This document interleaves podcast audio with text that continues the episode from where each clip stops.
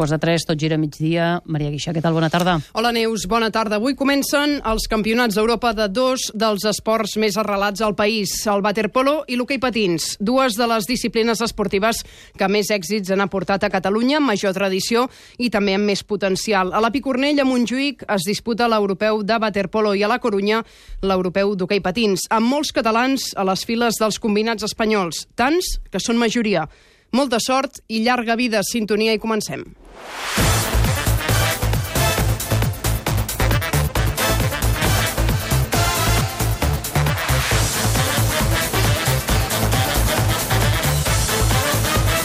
Tot gira migdia amb Maria Guixà. Poc més de 24 hores perquè comenci el França-Croàcia, poc més de 24 hores perquè ja tinguem el nou campió del món a Rússia. De seguida ho ampliem, però abans es porta en directe.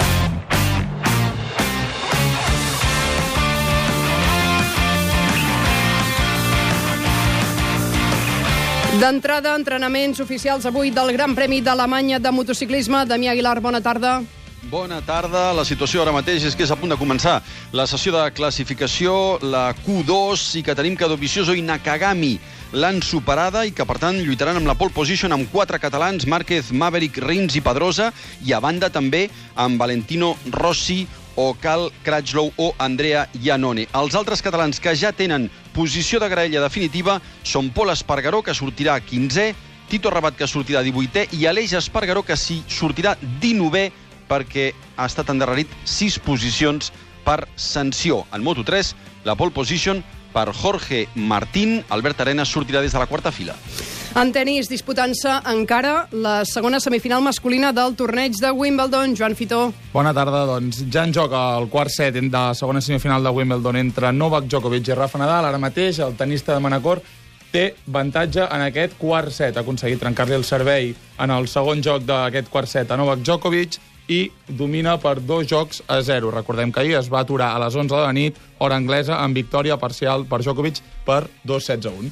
I també aquesta hora, vuitena etapa del Tour de França, Xavi Soler. 77 quilòmetres pel final, etapa plana, el guió pràcticament el de sempre, dos ciclistes escapats, modestos, Fabián Greller del Direct Energy, Marco Minar del Guantí, a 3.42 el gran grup que està controlant els atraparà i presumiblement tornarem a viure un sprint. I també Xavi Palau en dansa el partit inaugural de l'europeu de waterpolo. I si alguna cosa marca, Maria, aquest eh, partit inaugural femení de waterpolo no precisament seria la igualtat, sinó tot el contrari, superioritat total i absoluta de les holandeses que estan apallissant Croàcia. No sé si l'efecte final del Mundial tindrà a veure en aquestes eh, joves jugadores, però Holanda sentencia ja aquest primer partit guanya 11 a 0. déu nhi deixem el directe, anem pel Mundial, som a poc més de 24 hores, com diem, per una de les cites esportives més importants del món.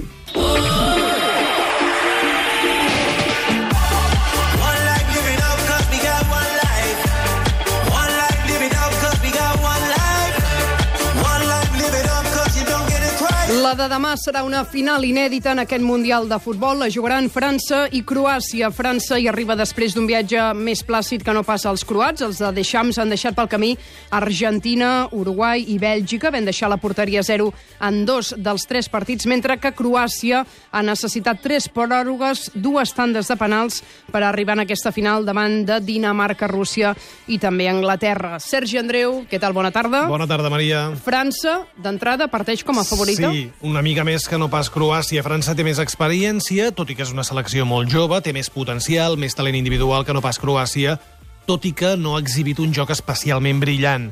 Això sí, el seu seleccionador, Deschamps, ja sap el que és guanyar un Mundial.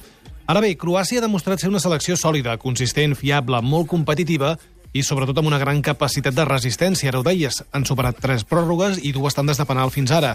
És com si haguessin jugat un partit més que França. Veurem si els afecta el desgast físic demà. Els francesos hauran disputat tres finals en els últims 20 anys i si guanyen serà ja el seu segon Mundial dins d'aquest període.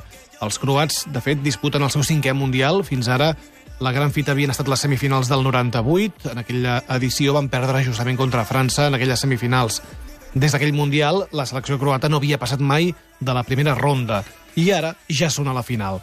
En relació a això, Luka Modric, un dels referents d'aquesta selecció, explica que per un país tan jove és un èxit absolut arribar fins aquí. Ara bé, cal deixar les emocions a un costat i donar-ho tot demà sobre la gespa. un país como Croacia, algo histórico, impresionante, estar en eh, final de mundial y orgullosos de, de este éxito, pero no queremos quedar con esto. Más importante éxito de Croacia, levantar esa copa si, si Dios quiere, vamos a dar todo. 11, 22 guerreros en domingo y vamos a hacer todo lo que podemos dar todo, dejar todo en el campo y ojalá conseguimos. Croàcia s'ha entrenat les últimes hores sense Subasic, Lovren, Versalico i Strinic. Per precaució, en principi haurien de ser tots demà disponibles. Veurem què passa amb Perisic, que tampoc s'ha entrenat, perquè el jugador de l'Inter eh, té una petita lesió muscular, per tant és dubte més seriós. Qui no hi faltarà són els dos jugadors que marquen la pauta, el ritme de cada partit. Modric, ara el sentíem, y Rakitic. Intentaremos hacer el mejor partido posible. Ya sabemos que los franceses es un equipo, bueno, muy, muy fuerte. Pero bueno, es una final, es lo más bonito que hay y vamos a estar a tope seguro. Creo que es un momento, pues, pues único, único en, en la carrera de todos nosotros. Queremos seguir disfrutando, hacerlo de la mejor manera posible. Hemos hecho tanta gente en Croacia contentos y orgullosos y no queremos parar con, con todo ello y ojalá Dios quiera que el domingo puede ser el gran día para todos nosotros. França, per la seva banda, s'ha sabut trobar una fórmula que barreja la sobrietat i la fermesa defensiva amb la qualitat de mig camp endavant, una qualitat liderada per Mbappé i Griezmann. Tots dos es postulen, de fet, a ser escollits millors jugadors del torneig en què s'ha guanyi França. Justament, Griezmann ha assegurat que estan preparats per afrontar aquest repte, que suposa jugar una final d'aquest tipus i que, lògicament, la més important per ell és guanyar el torneig més enllà de reconeixements individuals. Ouais, c'est un rêve depuis, euh, depuis tout petit. Euh, He somiat amb això des que era un nen. A les categories inferiors, tots els nens somien a jugar un Mundial i una final. Sabem què ens trobarem i sabem també què volem. Euh, moi, j'ai envie d'y être. Només vull aixecar la copa, sense importar si faig gol o no. Vull guanyar, i això és el més important per a mi. Je veux la soulever euh, et pour moi, ça sera le, le plus important. Deixem treure l'equip de gala, amb Griezmann, Mbappé i Giroud a dalt, i amb Kanté, Pogba i Matuidi al mig del camp. Probablement al mig del camp hi haurà bona part de la clau de la final, saber si el físic francès s'imposarà la qualitat de Rakitic i Modric o a l'inrevés. Sentim Pogba. Es un momento que tenemos que pensar, estamos felices hoy, pero falta, falta el objetivo general es, es de ganar. Sí, al momento estamos, estamos pensando, estamos felices que ganamos y todo, pero mañana es un otro día, pensemos a, a la final ya. França-Croàcia, Croàcia-França, dues seleccions que van començar el torneig fora de les grans favorites, potser França una mica més, però vaja, i que es preparen per convertir-se demà en la millor selecció del món. França, per cert, ho fa enmig de l'ambient patriòtic del 14 de juliol, avui, festa nacional al país francès. Aquesta final demà, avui el que es disputa és la final de consolació Bèlgica-Anglaterra a Sant Petersburg.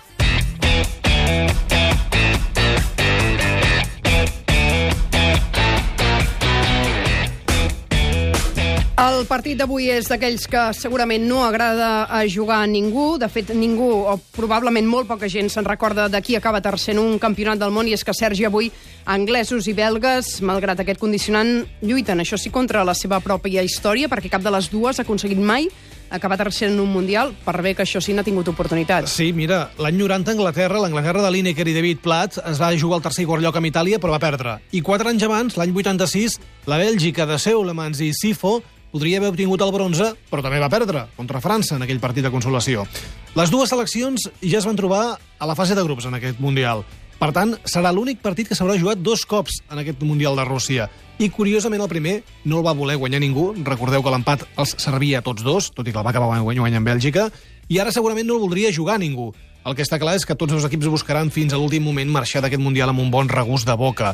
Bèlgica i Anglaterra són dues seleccions que han aportat alegria al Mundial i que han deixat una bona imatge, una mica més Bèlgica, una Bèlgica que marxarà ben multiplicat el prestigi i la reputació del seu tècnic, el català Robert Martínez, que vol acabar de la millor manera possible aquest torneig. We want to win. Volem guanyar. Penso que quan acabes un torneig et quedes amb la sensació que et deixa l'últim partit. You carry the feeling of the last game. And we know that. I sabem això, i sabem que això és important per ser conscients que hem estat treballant des de fa un mes, des del 13 de juny, que vam arribar a Rússia. Ha estat una experiència increïble per tots els que hem format l'equip belga. Per cert, també Robert Martínez ha sabut revaloritzar la selecció belga exhibint un bon ventall de recursos tàctics i una bona gestió del vestidor. Aquest Mundial també ha servit perquè aquestes dues seleccions hagin guanyat mentalitat i confiança de cara a futurs tornejos, com ara l'Eurocopa del 2020. Feia molts anys que cap de les dues seleccions no arribava a les semifinals d'un Mundial. El tècnic anglès Gareth Southgate també ha volgut deixar clar que, tot i passar dies complicats després de l'eliminació, no té previst fer gaires canvis i, per tant, buscaran un triomf que ell mateix ha qualificat d'històric. La idea és fer els menys canvis possibles. Tenim alguna lesió, així que ho haurem de valorar. Tot i això estem molt motivats, ja que tenim l'oportunitat de guanyar una medalla a un Mundial, i això només ho ha fet un sol equip anglès en tota la història. Per cert, Sergi, aquest partit tindrà un altre atractiu i és que s'ha de decidir encara la bota d'or del Mundial. Sí, el màxim golejador, qui ho té millor és el davanter anglès Harry Kane, amb 6 gols, però compta que Lukaku, el belga, n'ha fet 4, l'un o l'altre, o potser tots dos, qui sap, poden acabar com a màxims golejadors. Això sempre i quan demà Griezmann o Mbappé, que en porten 3 de gols, no facin, per exemple, un hat-trick. Ara dèiem um, que a nivell estadístic poca gent, o pràcticament ningú se'n recorda qui acaba tercer en un Mundial, però, però sí que hi ha seleccions, equips que han deixat petjada en aquest aspecte, en la Sí. tercera classificació. Sí, tot sovint hem vist seleccions tapades, que en diríem, seleccions convertides en revelacions, que han estat capaces d'aconseguir aquest tercer lloc, que ni elles mateixes possiblement ho haurien imaginat. Per exemple, dels últims nou mundials podríem incloure aquests cinc casos. L'any 82, a Espanya, va quedar tercera la Polònia, de Lato i Boniek. L'any 94, als Estats Units, tercers classificats, els suecs, de Larsson o Brolin. L'any 98, la Croàcia de Suker o Prosinecki. L'any 2002, la Turquia de Rusto i Hakan Sukur. I l'any 2014, aquí potser no és tan sorpresa, la Holanda de Robben o Van Persie. A banda d'aquestes cinc seleccions han quedat terceres els últims anys, Alemanya també ha estat tercera en dues ocasions, el 2006 i el 2010, i França en una l'any 86, Itàlia en una altra l'any 90. Més futbol, perquè malgrat tot, sí, hi ha més vida més enllà del Mundial.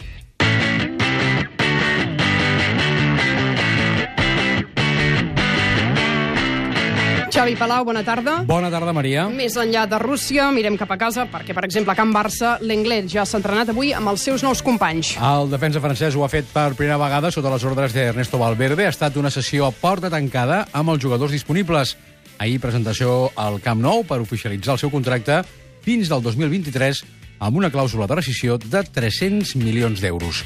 D'altra banda, segons ha pogut saber aquesta emissora, el fitxatge de Rabiot pel Barça està força avançat. El preu de sortida que va marcar el Paris Saint-Germain és de 40 milions fixos més 10 en variables.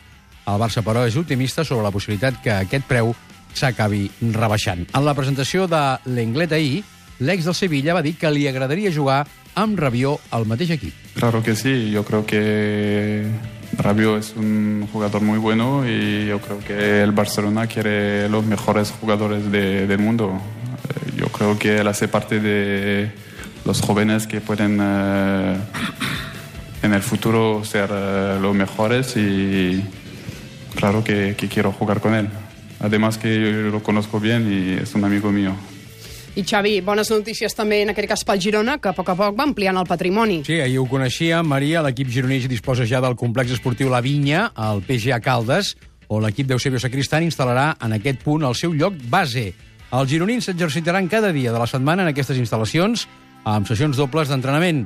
El 18 de juliol l'equip es traslladarà a la seu de la City Football Academy, a Manchester, on s'hi estarà fins al dia 25 i disputarà dos amistosos. Pel que fa a l'Espanyol, l'equip blanc i blau continua la seva preparació, en aquest cas per terres bergadanes. Per aquest dissabte estava prevista una nova doble sessió d'entrenament. A aquesta hora ja han completat la del matí. A la tarda, més ritme de treball. A l'espera del primer amistós de la pretemporada serà dijous que ve contra l'equip de la capital de la Garrotxa, contra l'Olot. Marxem cap a la Premier perquè, de moment, tenim novetats a la banqueta del Chelsea. Després que el club blu eh, anunciés que Antonio Conte no seguiria a la banqueta, el Chelsea ha anunciat que l'italià Maurizio Sarri serà el nou entrenador per les pròximes tres temporades. Sarri té 59 anys i arriba procedent del Nàpols. El Chelsea també ha incorporat el migcampista brasiler Jorginho, té 26 anys, ve del Nàpols i fitxa per 5 temporades. I de la Premier cap a Itàlia perquè dilluns és dia d'aquells assenyalats a la ciutat de Turí. És el dia que la Juve ha triat per la presentació de Cristiano Ronaldo com a nou jugador del club piemontès. La presentació es farà a dos quarts de set de la tarda a l'estadi Allianz de Turí. El portuguès té previst arribar a la ciutat el mateix dilluns al matí, sotmetre's a la revisió mèdica, firmar el contracte i oferir la seva primera roda de premsa. Recordem que la Juve ha fitxat Cristiano, que ve del Madrid, quatre temporades i cobrarà nets 31 milions d'euros per temporada. Un dia de brill lluminós i fred i els rellotges tocaven les... Com que hi ha tanta grip, han hagut de clausurar la universitat. Totes les famílies felices s'assemblen. Cada família dissortada ho és a la seva manera. Compta amb musa les accions aquell home astut que va anar errant durant molt de temps després d'haver destruït la sagrada ciutadella de Troia. Dissabtes d'11 a 12 de la nit a Catalunya Ràdio, Ciutat Maragda, amb David Guzmán. La literatura des del principi. Gràcies per ser-hi sempre i per exigir-nos més. Avui per tu a Gas Natural Fenosa ho apaguem tot. Perquè avui comencem de nou, amb més energia que mai, com una nova energètica, més flexible, més àgil i més propera. Avui Gas Natural Fenosa és Naturgy. Obriran una mesquita al teu carrer. Què en penses? ¡Otro puto país! ¡No te mierda! Que la posin. Mentre no molesti, pues a mi tant me fa. I estiguis a favor o en contra, Si compleixen la normativa, tenen dret a tenir un centre de culte, perquè és un dret eh, fonamental. Una mesquita al costat de casa. 30 minuts. A TV3, diumenge a la nit. Tot gira a migdia. Amb Maria Guixà. Passa un minut de tres quarts a tres de la tarda. Avui, Barcelona torna a convertir-se en capital aquàtica.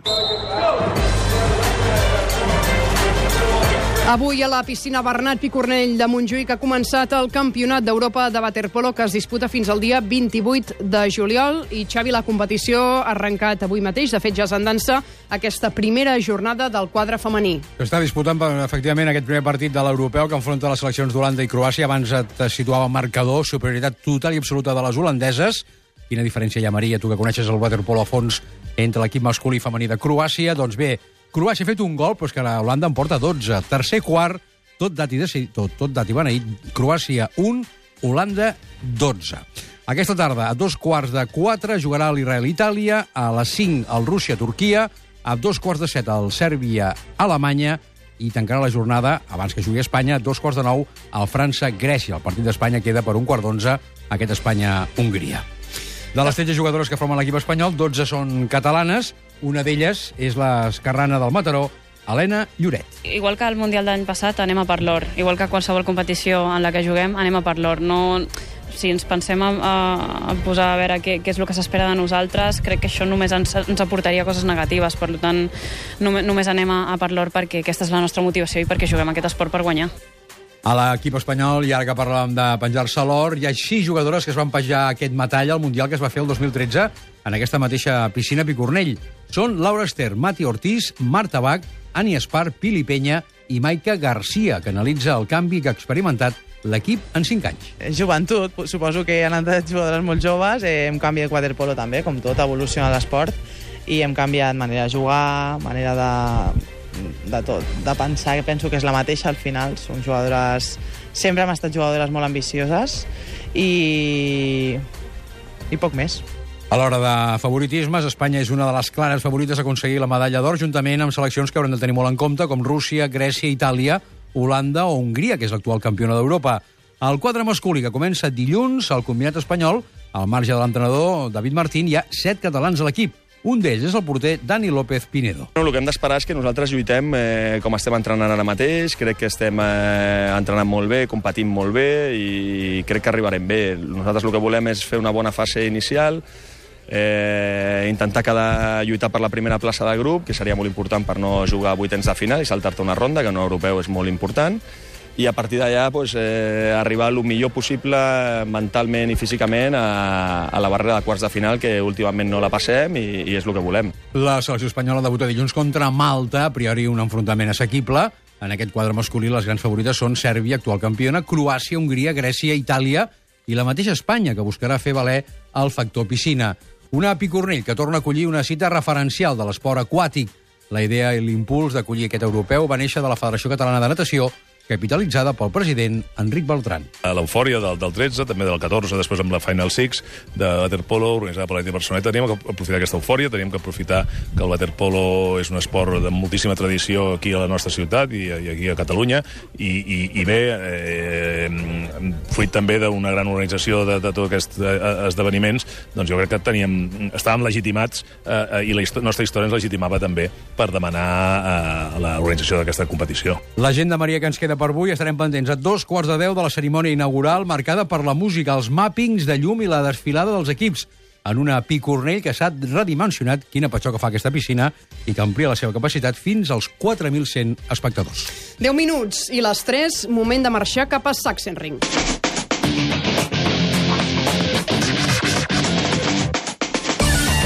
El Damià Aguilar, amb els ulls posats en aquesta classificació de MotoGP. Damià, actualitza'ns què està passant en aquest circuit. Li queden dos revolts a Marc Márquez a punt d'aconseguir la pole position en aquest circuit. Hem d'esperar pole position pel tro de Cervera. Márquez en el darrer moment recupera la pole que tenia Petrucci, que li havia pres Lorenzo o que li havia arribat a prendre Maverick Viñales l'eufòria en el box del Repsol Honda.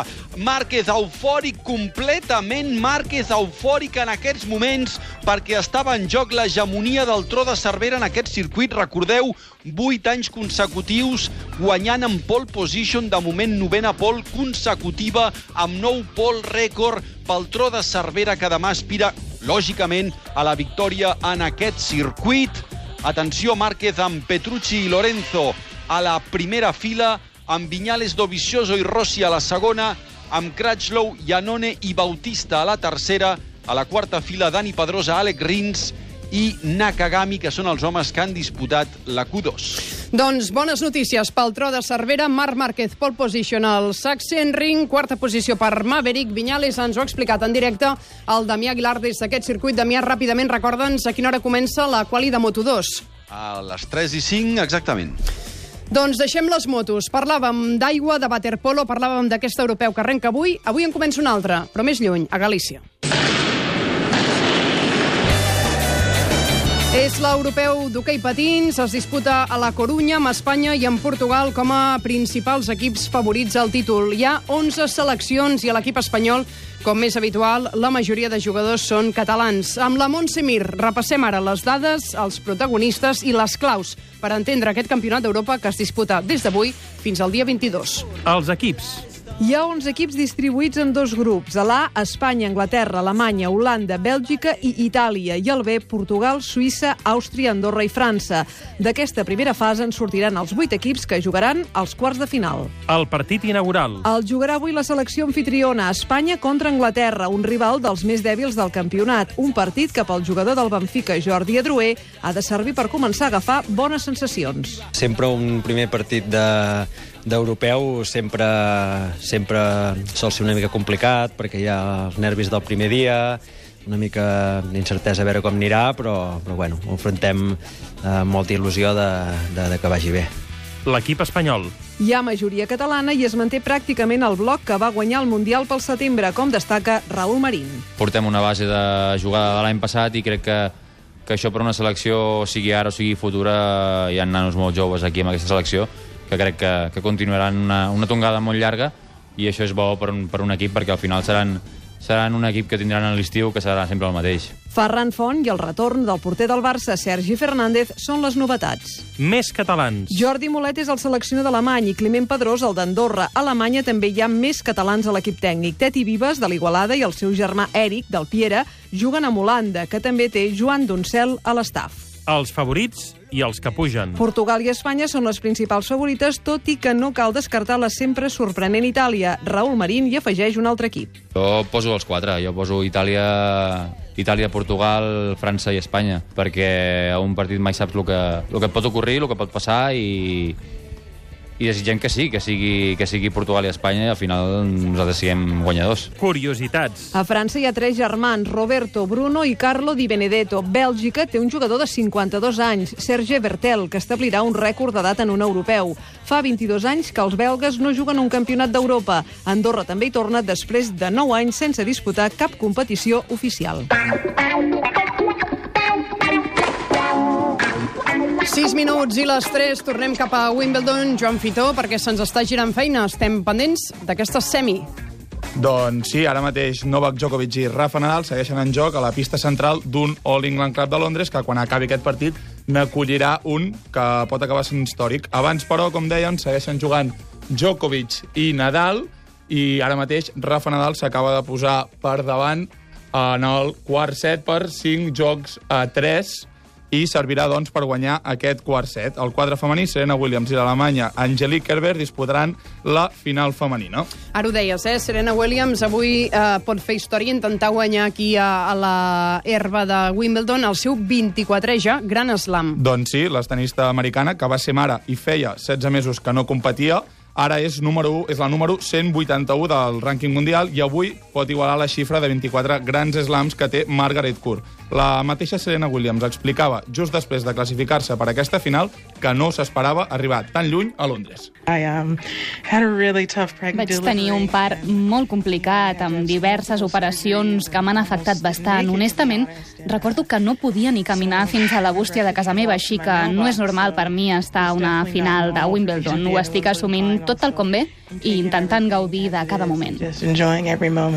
Serena Williams ha arribat a la final cedint un sol set i avui buscarà guanyar el seu vuitè títol a Wimbledon. Perquè ens fem una idea, Roger Federer, dominador absolut de l'herba anglesa, ha guanyat els mateixos vuit títols que busca avui la tenista americana. Amb aquesta gesta com a objectiu, Serena explicava que no hi ha pensat gens i que l'únic que té al cap és gaudir cada moment. It's crazy. I don't even És una bogeria. No sé ni com em sento ara mateix, perquè no esperava estar tan bé en el meu quart torneig després de 16 mesos fora de les pistes. Sentia que no tenia res a perdre, que podia jugar relaxada, i és exactament el que estic fent. That's kind of what I'm doing.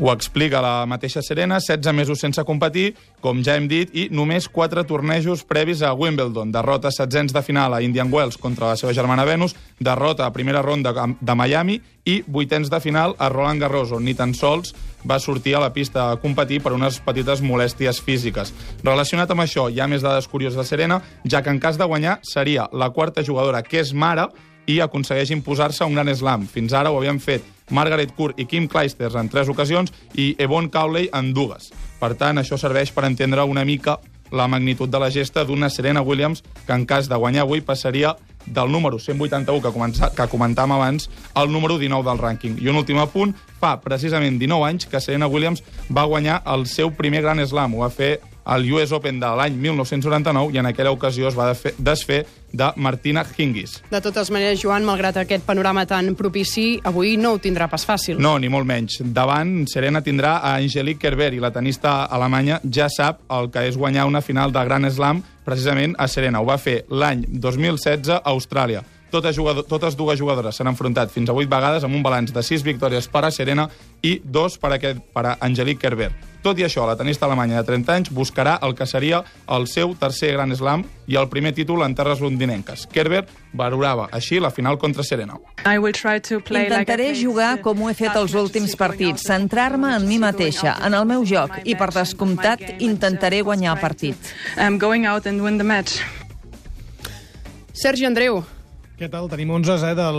Has de baixat l'Anglaterra. com una exhalació. Què de tenim hora? l'Anglaterra-Bèlgica, del partit que s'ha de jugar d'aquí una hora a Sant Petersburg, a Anglaterra. Southgate sortirà amb aquest 11, Pickford a la porteria, defensa de 3 amb Jones, Stones i Maguire, laterals a la dreta Trippier, a l'esquerra Rose, mig al camp per Dier, Loftus-Cheek i Delf, i a dalt Harry Kane i Sterling. Bèlgica, Robert Martínez, també amb un equip pràcticament de gala. Courtois a la porteria, defensa també de 3 amb Company, Alderweireld i Vertonghen, mig al camp per Witzel, Tielemans, De Bruyne i Hazard, bandes per Mení a la dreta, Chatli a l'esquerra i la referència en atac Lukaku. Doncs amb el Sergi Andreu i aquests 11 que ens porten, un partit que seguirem a partir de les 5 de la tarda amb el Xevi Soler.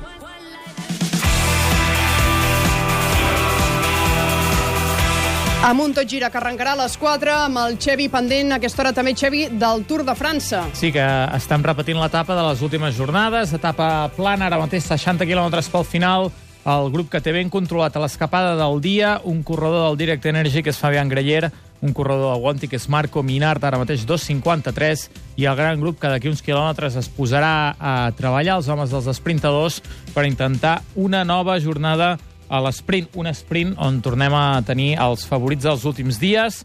Fernando Gaviria, el colombià, ahir superat per Dylan Groenewegen, l'esprintador holandès del Lotto Jumbo, i Peter Sagan, que serien els tres grans favorits en una edició del Tour on hi ha un relleu generacional pel que fa als sprintadors. Ja no se situen en els sprints massius amb la l'assiduïtat que ho solien fer gent com Mark Cavendish, que ja té 33 anys, com Andre Greipel, que en té 35, Alexander Kristoff amb 31 o Marcel Kittel amb 30, i han deixat el pas als homes més joves. Doncs amb Tour de França posem punt final a aquesta edició i tornem a les 4 fins a les 7 amb el Xevi Soler al capdavant del Tot Gira. Adéu-siau.